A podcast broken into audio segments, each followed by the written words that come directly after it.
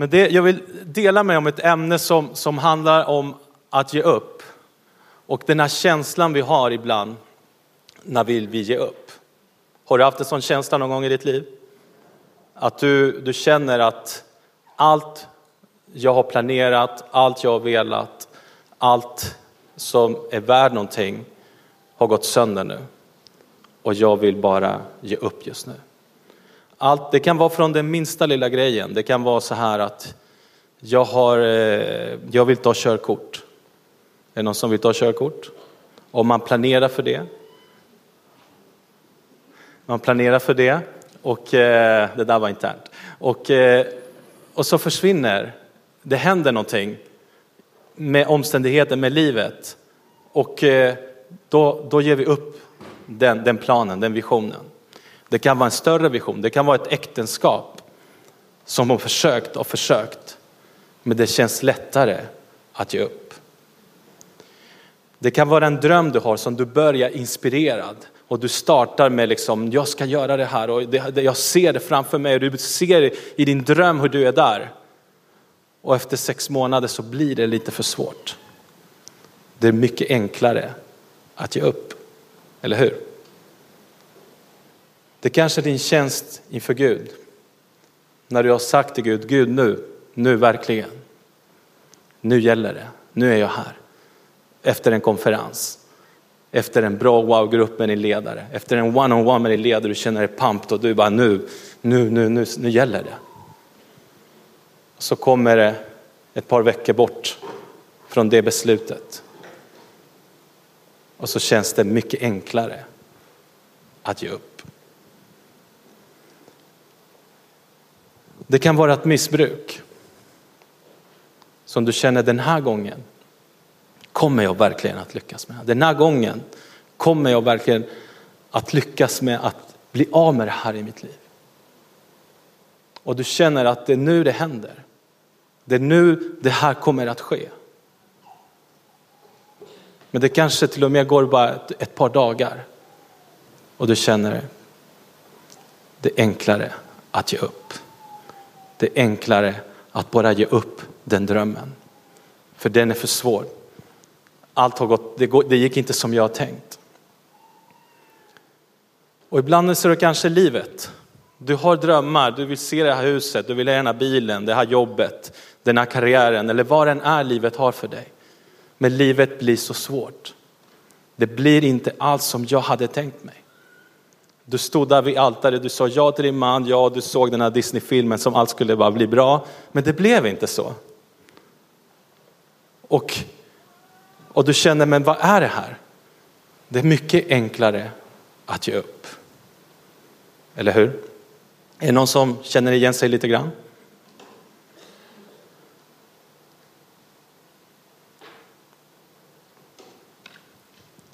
Men det jag vill dela med dig idag, det är att vi måste ge upp. För att lära sig att inte ge upp. Vi måste ge upp mycket i våra liv för att lära oss att inte ge upp. Och du kommer att förstå när vi börjar gå igenom den här undervisningen idag. För egentligen är det ingen som vaknar en morgon så här, idag känner jag bara, idag ska jag bara ge upp allt. Eller bara starta något nytt, så här, idag, jag vill starta ett företag. Alex, vill du starta ett företag med mig? Så ger vi upp den typ imorgon sen. Ska vi göra det? Eller jag ska, jag ska köpa en gitarr, jättedyr, och jag ska bara typ inte vilja lära mig spela gitarr. Jag bara, bara, jag bara köper den och sen ger jag upp det. Det är ingen av oss som har det i vår natur, eller hur? Utan när vi går in i någonting, när vi, när vi kliver in i något nytt, så vill vi vara de bästa av de bästa av de bästa. När du går in i en, i en utbildning som du verkligen vill gå, så vill du gå för att lyckas med den, eller hur? Om du vill gå i, i, i ett fotbollslag så vill inte vara, men jag satsar på eh, avbytarbänken. Utan du, du, du går in för att du ska vara bäst. Och alla sa Amen. För jag tror att det finns planterat i oss att vi vill vara de personerna. Vi, vi sätter en planering i vårt huvud, andra använder en, en, en, planer, en lång planering, andra liksom gör olika saker för att den här, den, här, den här planen, den här drömmen, den här visionen ska komma och bli faktiskt någonting jag kan ta på. Nå, någonting som inte bara blir en dröm utan någonting som faktiskt jag kan röra vid. Eller hur? Men vi, men allt, när allt kommer omkring och när vi har de här liksom drömmar, de här visionerna och livet kommer omkring, omständigheterna kommer och jag skulle störa glaset och då kommer en vind och den försvann och den bara gick sönder. Att livet är oförutsägbar, eller hur? Du kan aldrig planera livet, alltså omständigheterna. Det finns inget, alla som gör en budget, är det någon som gör en budget? Alla som gör en budget kan aldrig planera in livet i den. Så här fält, så här, eh, försäkringar, telefonen, liksom 300 spänn i månaden det där, och sen livet. Vad ska vi sätta det för minusposter eller pluspost? Det vet vi inte. Eller hur? Utan livet är vad det är. Så om du känner för att du vill ge upp så vill jag bara befria dig så att det är helt normalt. All right? Det är helt naturligt. Det är helt normal känsla när det, när det tar emot lite. För det blir enklare att ge upp. Och vi människor vill ha det enkelt. Eller hur? När du ska parkera bilen nära dit du ska så vill du parkera så nära som möjligt, eller hur? Eller hur? För att det är enkelt. Ni som inte gillar era jobb, ni parkerar bilen, ni backar in så att ni kan bara köra snabbt därifrån. För det, annars blir det så fem sekunder för mycket på jobbet. Men vad ska vi göra när allt känns så svårt och att jag känner för att, att jag vill bara ge upp det här? Allting börjar med en vision, en dröm, en tanke, eller hur, som man vill förverkliga. Är det någon som har tänkt så här att man vill ändra sin kost? Oj, det är inte bara jag alltså.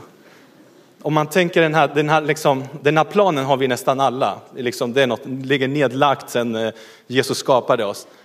På måndag, eller hur?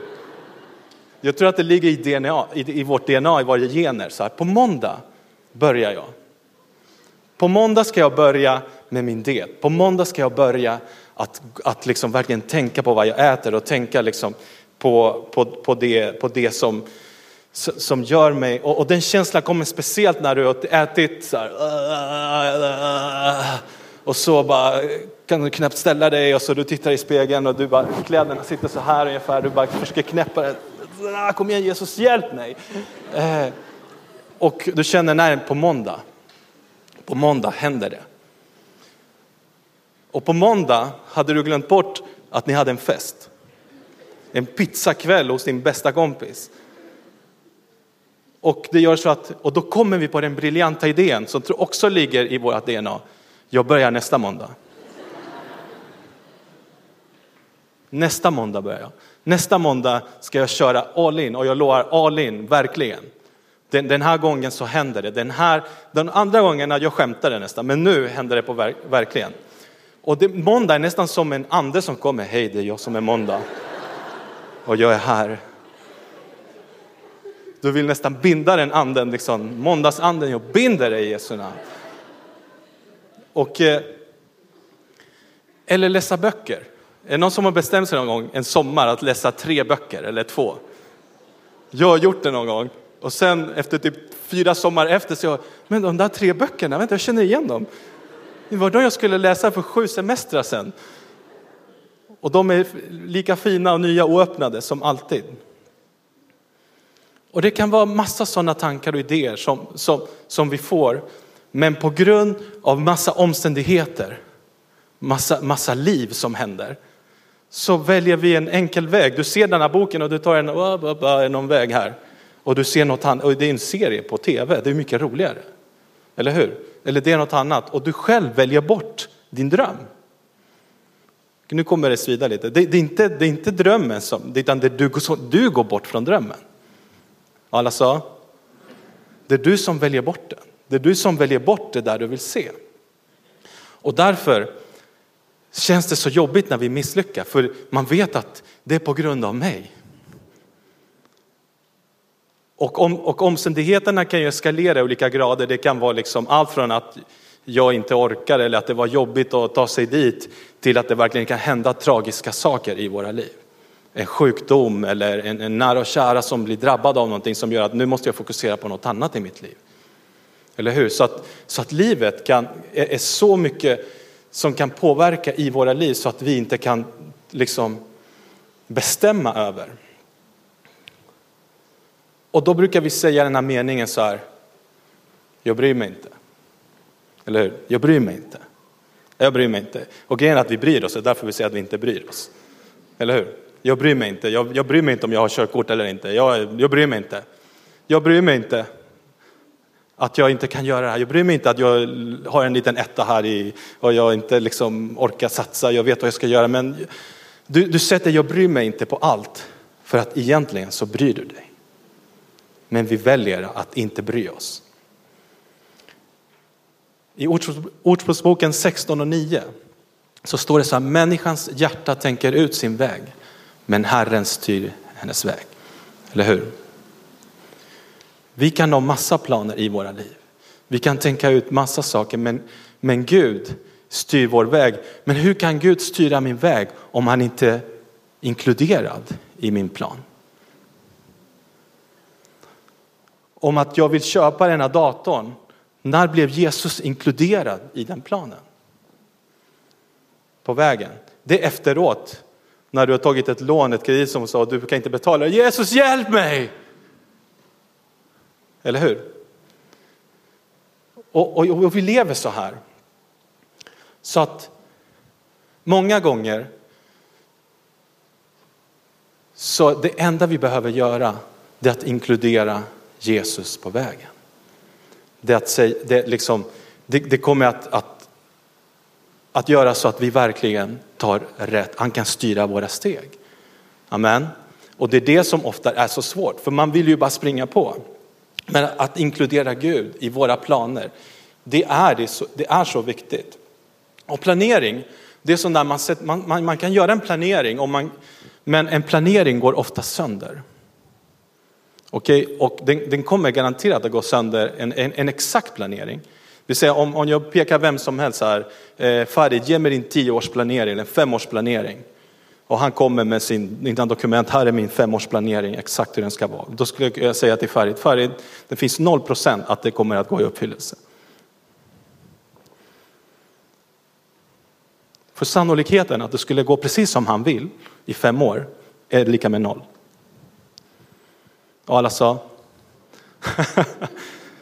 vad uppmuntrande, eller hur?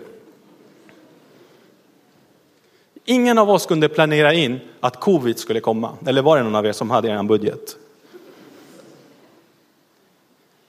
Och att det skulle förstöra två år av våra liv. Ingen kunde planera ett krig som pågår just nu mellan, mellan Ryssland och Ukraina, eller hur? Den här företagare som behöver betala 100 000 i elräkning hade inte planerat det året innan. Ingen kommer att se sin planering i livet till 100 procent, utan det är 0 procent. Du kan försöka räkna bort det matematiskt, men det är 0 procent. För att livet finns. För att livet finns. All right. Det här var otroligt uppmuntrande. Jag måste nästan sluta här. Men idag så kommer vi med hopp till dig. Amen. Det finns ett hopp och han heter Jesus. Och, här idag kommer du se hur viktigt det är att Jesus är med dig i allt det du gör. Vi kommer se varför det är att vi som kristna, säg kristen, måste förstå vad det egentligen är. Säg Jesus efterföljare. Eller Jesus efterföljare. Det, om du inte förstår det så fallerar allt det här. Jag vill idag att inte du ska lära känna en tanke om Jesus utan du ska lära känna vem han egentligen är. Amen. Och idag så, jag talar tro alltid, så idag så vet jag att du kommer att förstå att varför du ska aldrig ge upp om Jesus. Amen. Det finns en man i Bibeln som heter Petrus. Är det någon som inte vet vem Petrus är så hjälper vi dig sen efter mötet. Farid här hjälper er. och kan vi berätta allt om Petrus. Okej? Okay? Farid vinka så att de ser vem det är. Så, ja. så i Bibeln läser vi om Petrus. Det är en av de viktigaste personerna i församlingens historia. Så den här kvällen som Jesus ska bli överlämnad och korsfäst, liksom, för att korsfästa, eh, fick, fick liksom Petrus uppleva just ungefär samma sak. Och det hände inte bara Petrus, det hände alla lärjungar. Alltså vad? Jo, en, en, en stund av vision och inspiration.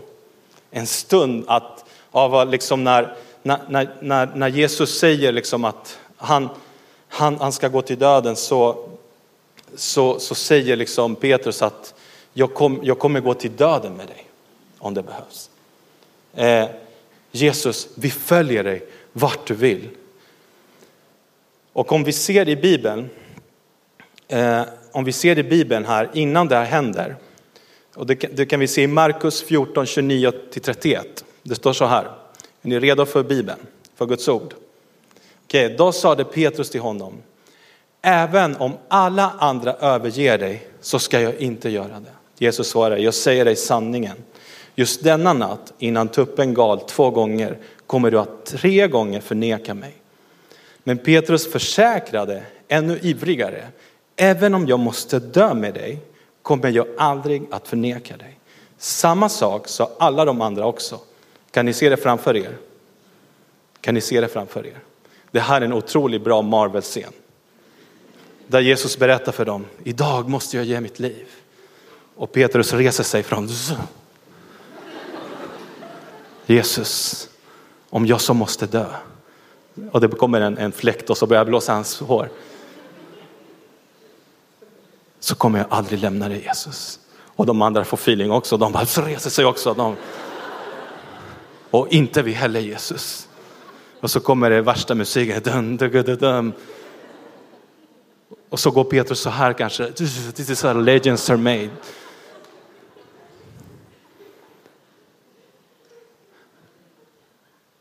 Och det blir värsta scenen och det blir så episkt. Och jag kan tänka mig att Petrus kände när han satte sig, han var laddad, han var pump. Har du känt dig någon gång i, den drömmen du har? Liksom yes, nu, nu händer det. Och det är lite som när du står i samtal med en person som du ser upp till. Eller hur? Någon som, någon som du verkligen ser upp till. Och du bara råkar hamna i en, i en, i en sorts samtal och du bara helt så här, det här är den här personen. Och den här personen säger bara så här, jag skulle behöva hjälp med en grej. Du bara, jag kan hjälpa dig. Jag skulle behöva hämta en, en sak, ja men jag löser det. Men det är i Kiruna. Och du bara, och du bara känner hur det kommer från din mun, men jag löser det. This is our legends are made. Och du står där och du har skapat ett problem i ditt liv. För att du är så liksom tagen av stunden. Har det hänt dig någon gång? Det är liksom din, din, din, din hjälte Marvel-status går upp till 100 procent. Och sen när han ser det och säger, kan du verkligen hjälpa? Den går upp till tusen och du bara lovar allt. Behöver du att jag installerar det också? Liksom, och du vet inte ens vad han pratar om.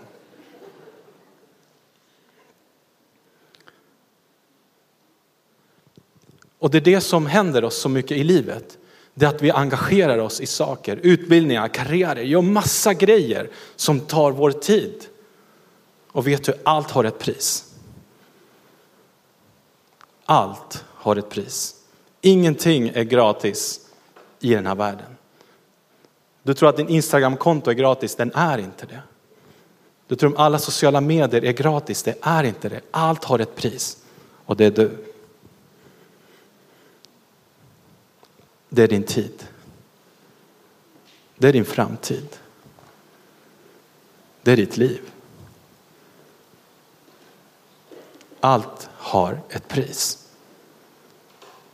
Och det här gör att vi missar målet. Vad lär oss Bibeln är målet? Jesus. Jesus är målet. Och vi missar det på grund av allt vi måste betala. Och vi går in i saker där vi inte vet vad som gäller egentligen. Så vad händer? Det som händer är att när vi inte vet vad som gäller, när vi inte förstått vad som kommer att ske, det, det känns, då känner vi oss vilsna. Vi känner oss, vad, vad, vad är det här? Och vi vill ge upp. Jag tror att lärjungarna, de fick den här stunden med Jesus, där de liksom, Jesus vi är med dig till döden. De förstod inte riktigt vad de sa ja till. Jesus visste ju det. Jesus visste redan vid Getsemane när han andades som blodsdroppar. När han såg dig, när han såg mig. När han står ah, med ångest i sitt liv och han känner, ah, finns det en annan väg? Jag kan tänka mig att Jesus säger, ah, finns det en annan väg? Det måste finnas ett annat sätt att göra det här på. Jag vill nog inte göra det här, för han var en människa. Ingen vill bli piskad. Ingen blir, får en, en törnekrona i, i, i ansikt, i, på, på, på, sin, på sitt huvud. Ingen vill bli liksom slagen, att hans skägg ska rivas på. Ingen vill bli hängd på ett kors. Han visste priset. Och vid Getsemane visste att det är mitt liv. Och det är det Jesus säger ja till. Lärjungarna, när de sa Jesus, jag kommer dö om det, det är det de skulle säga ja till. De hade ingen aning. Därför sa Jesus till dem, vänta lite nu Petrus. Jag, jag känner med dig, jag förstår att du vill, men det här är på en helt annan nivå.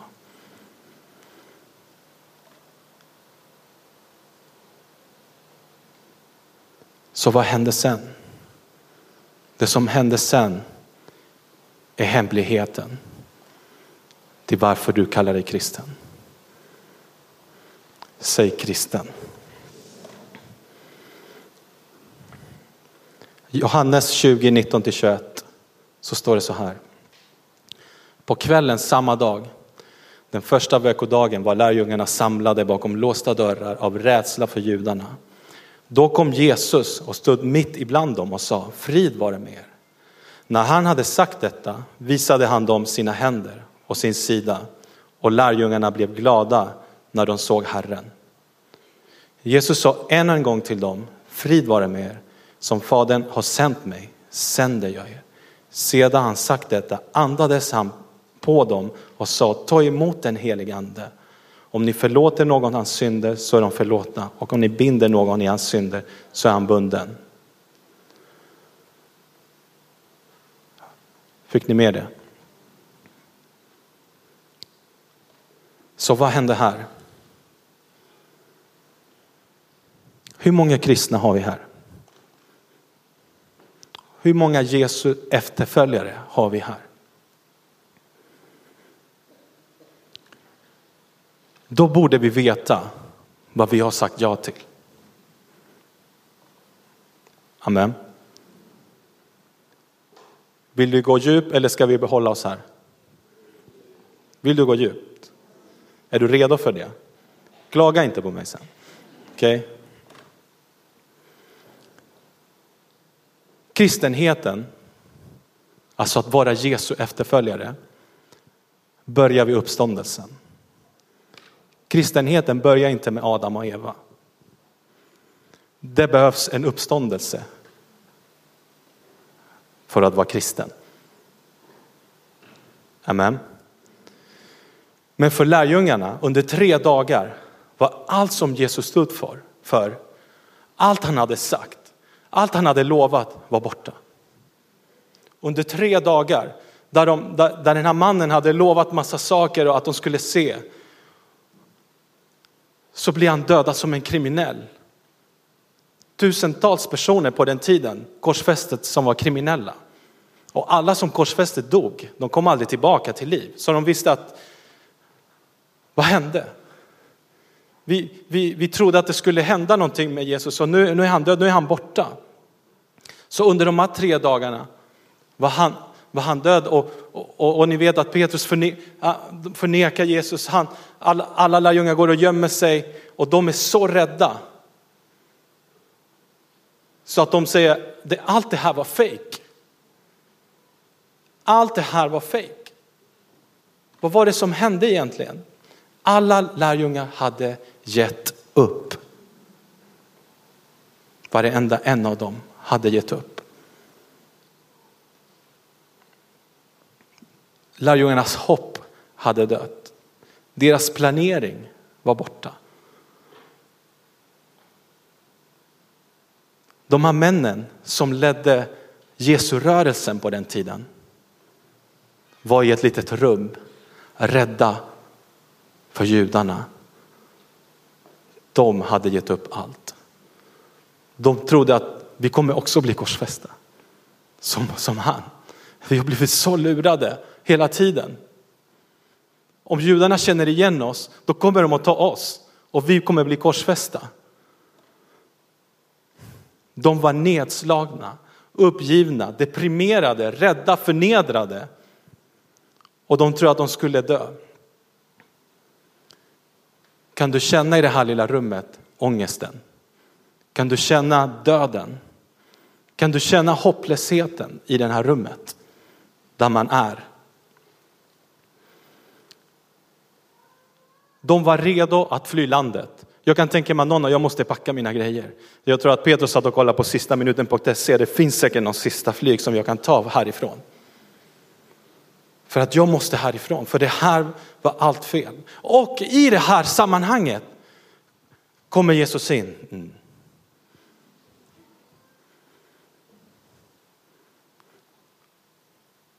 Och de tror att det är ett spöke.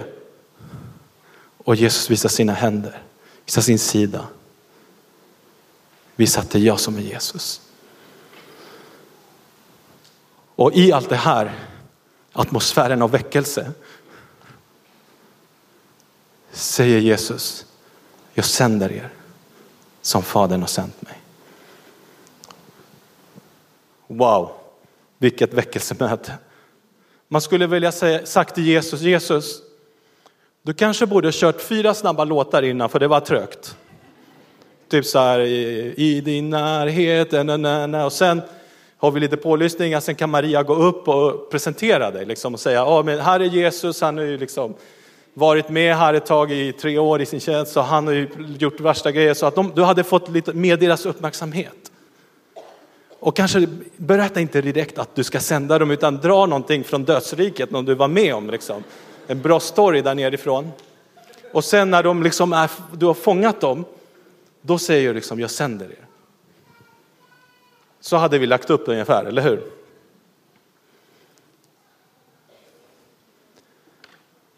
Men vet du, våra riktiga beslut att, av överlåtelse till Gud som förändrar våra liv är i ett litet rum av hopplöshet, av mörker, av nederlag där du har gett upp allt.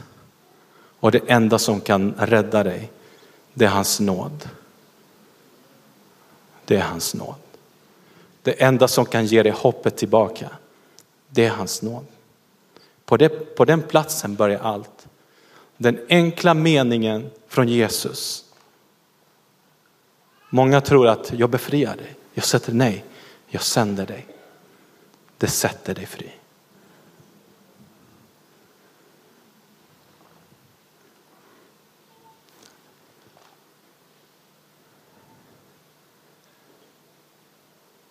Jesus säger till dem, jag sänder er som Fadern har sänt mig. Kom ihåg att för några sekunder sedan var de i panik och de, ville, de visste inte vad de skulle göra. De hade gett upp. Och de, de var helt panikslagna. Och parentes, och om Jesus kan sända det här gänget, då kan han sända dig och mig. Amen. Om han kan sända dessa män, då kan han sända dig och mig. Så att följa Jesus är att bli sänd. Med andra ord, när kristendomen startar och essensen av den den startar i det här rummet. Av mörker, nederlag, hopplöshet. Essensen av det, det är att gå utanför det rummet och berätta om Jesus. Det är därför du kallar dig kristen. Det är bara det som är att vara en Jesu efterföljare. Att gå utanför rummet av nederlag där du har gett upp. Rummet av uppgivenhet, rummet av fruktan. För att gå ut och berätta om det du har sett och hört. Du som har undrat vad din kallelse är som kristen, den har alltid funnits där vid hans uppståndelse. För han sänder dig. Han ber dig att flytta, han ber dig att vara flexibel, han ber dig att, att du ska gå när han säger gå. Det är kristendom, att följa Jesus där han vill att jag ska vara. Och det kräver en fullständig 100% förtröstan på honom. Jesus sa inte så här. Nu kallar jag er killar som är här rädda att en gång i veckan lyssna på tre, fyra låtsånger igen, lite pålyssningar. Sen kommer någon ta en mikrofon och bara berätta något om mig. Och så sätter ni och lyssnar på det. Och så repeterar vi det här en gång i veckan. Helst på söndagar. Och kanske en ungdomsmöte på en lördag. Nej, utan Jesus sa jag sänder er. Jag leder er. Jag flyttar på dig. Och det här blir en jobbig tanke, eller hur? Och min fråga till dig, är du kristen? Är du en Jesu efterföljare? Vet du, i över 300 år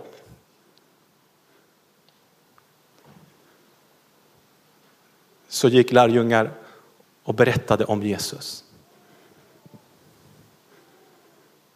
När det inte fanns en gammal och ny testament. Vet du vad man sa? Farid, vet du vad? Jag hörde någon som sa till mig att, det att Jesus uppstod igen. Han där, han Petrus, han säger att han såg honom i ett rum. Han kom in och visade allt och sa att vi skulle, att vi skulle förlåta, att du är förlåten. Förstår du? att du är förlåten. Det var inga teologiska liksom, grejer man berättade. Det var inga stora sanningar, schyssta quotes på Instagram. Det var inte sanningar som blow your mind, wow, för att du ska komma nästa söndag och få en ny. Utan det enda de gjorde i flera hundra år, det var att de berättade om den här mannen som kom i det här rummet och visade sina sår. Och visade att vi kan ha en relation med Gud igen, att jag kan vara hans efterföljare, jag kan vara hans lärjunge, att han älskar mig, att jag är förlåten för all synd jag har gjort så är jag förlåten. Amen.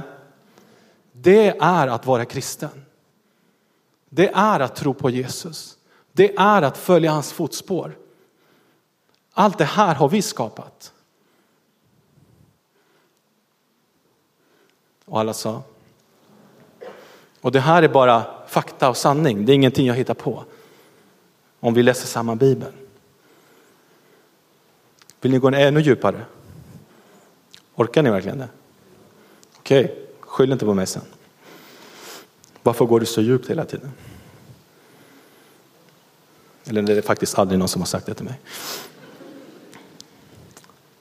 Okej. Okay. I vers 22 så står det så här att han andades på dem. Ta emot den helige anden sa han.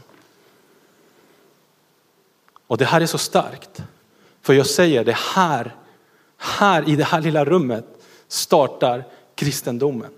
Här i det här lilla rummet startar att kunna bli Jesu efterföljare.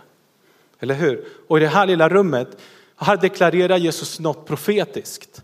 För han andas på dem. För första gången någonsin en Gud andas på en människa, det är i första Moseboken 2.7. Och människan får liv.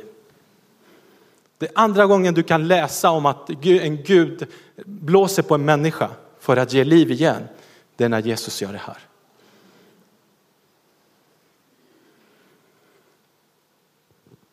Här andas Jesus andra gången över människan. Det första var början av allt. Men nu den andra gången representerar en, en ny begynnelse. En ny tid av nåd, ett nytt kapitel, ett nytt sätt att kommunicera med Gud. Där det inte definieras av lagen längre utan av kärlek, förlåtelse och nåd.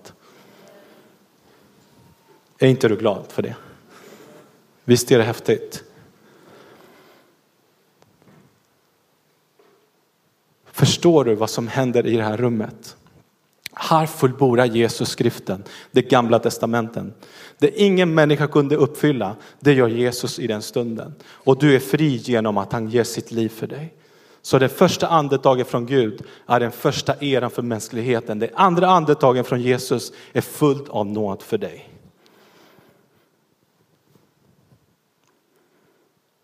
Så Jesus säger till dem med andra ord, era liv kommer se annorlunda från och med nu.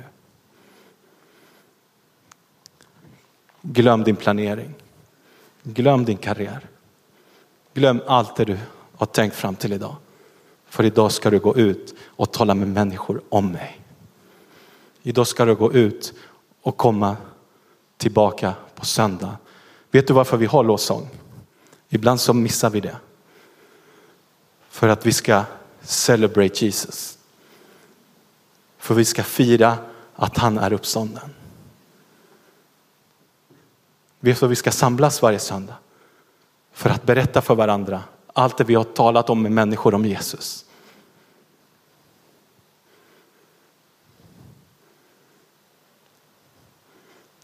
Det är att vara en Jesu efterföljare. Kom ihåg att i det här rummet, det är inga influencers som sitter där. Det är inga public speakers som sitter där.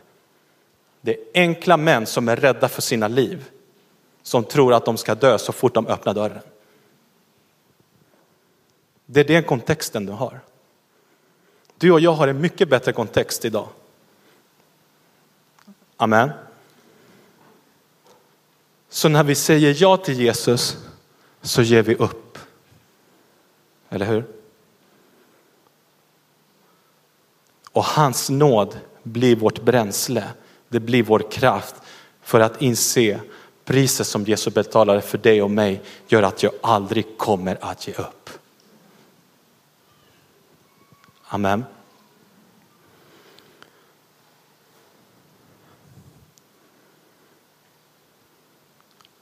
Vi går tillbaka till Petrus så ska vi snart sluta. Det ska man aldrig säga, men vi ska snart sluta.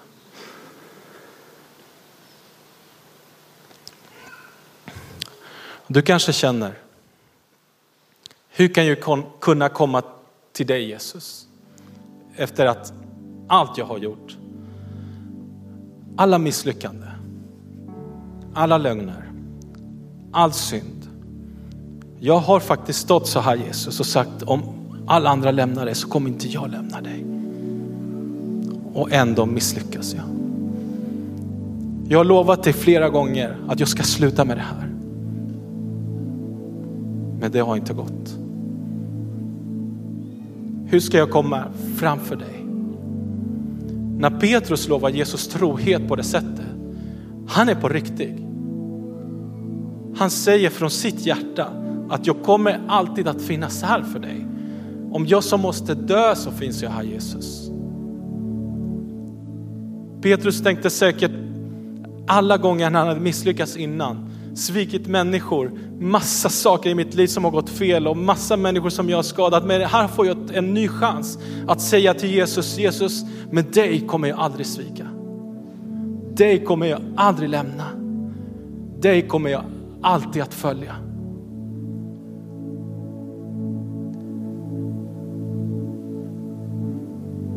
Men när den dagen kom så visade det sig att Petrus misslyckades.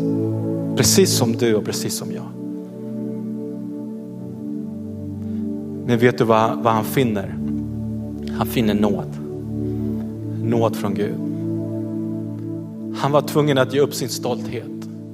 Att ge upp sin mindervärdighet, Att ge upp alla misslyckanden. En till på hans lista säkert. Och nu var det till Jesus av alla. Han var tvungen att ge upp allt. Och vet ni att i, i de fyra evangelierna, evangelierna så talar alla fyra om Petrus fall och misslyckande. Men det är bara en som talar om hans upprättelse. och det är Johannes. Det står så här i Johannes 21, 15 16. När de, när de hade ätit sa Jesus till Simon Petrus, Simon, Johannes son, älskar du mig mer än de andra? Han svarade, ja Herre, du vet att jag har dig kär. Jesus sa till honom, för mina lamm på bete. För andra gången frågade han Simon, Johannesson, älskar du mig? Han svarade, ja Herre, du vet att jag har dig kär. Jesus sa till honom, var en herde för mina får. Och för tredje gången frågade han Simon Johannesson, har du mig kär? Petrus blev bedrövad när Jesus för tredje gången frågade, har du mig kär? Och så är det, Herre du vet allt. Du vet att jag har dig kär. Jesus sa, för mina får på bete. Här får Petrus uppleva Guds nåd, hans förlåtelse, hans upprättelse. Och vet du det underbara med det? Det enda Jesus ber honom om är att älska andra människor. Det är att springa efter andra människor. Han sänder ut honom för andra gången. Vet du vad som är så befriande? Vill du veta vad som är så befriande? Att ingen av dessa män, inte Petrus eller någon, hade gått bibelskola. Eller en teologisk utbildning. De hade en uppgift av Jesus. Berätta om mig. Berätta för människor att de är förlåtna genom mitt blod, genom korset. Vi gör det så svårt ibland för oss själva, eller hur? Vi tror att vi måste kunna tala framför människor. Att vi måste ha en viss utbildning. Men det är så enkelt att leva för Jesus.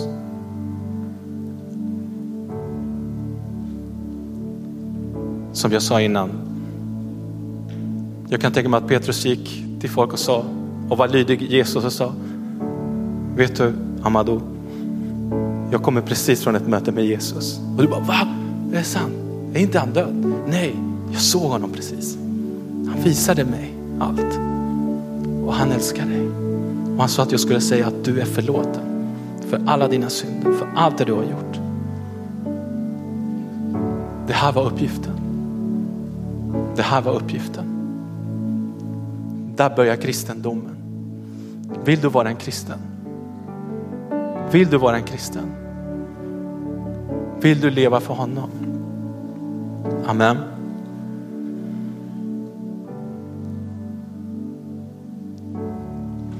Kom ihåg, jag sa från början, inkludera Jesus i ditt liv, i dina planer, så att du aldrig behöver ge upp, utan han kommer att bära dig genom livets omständigheter. Alla dina planer som du inkluderar Jesus i kommer att lyckas för han har omsorg om dig. Amen. Men målet är alltid Jesus. Det är alltid den mannen som står i det rummet. Och det enda han ber dig om det är att gå. Gå. Gå och berätta.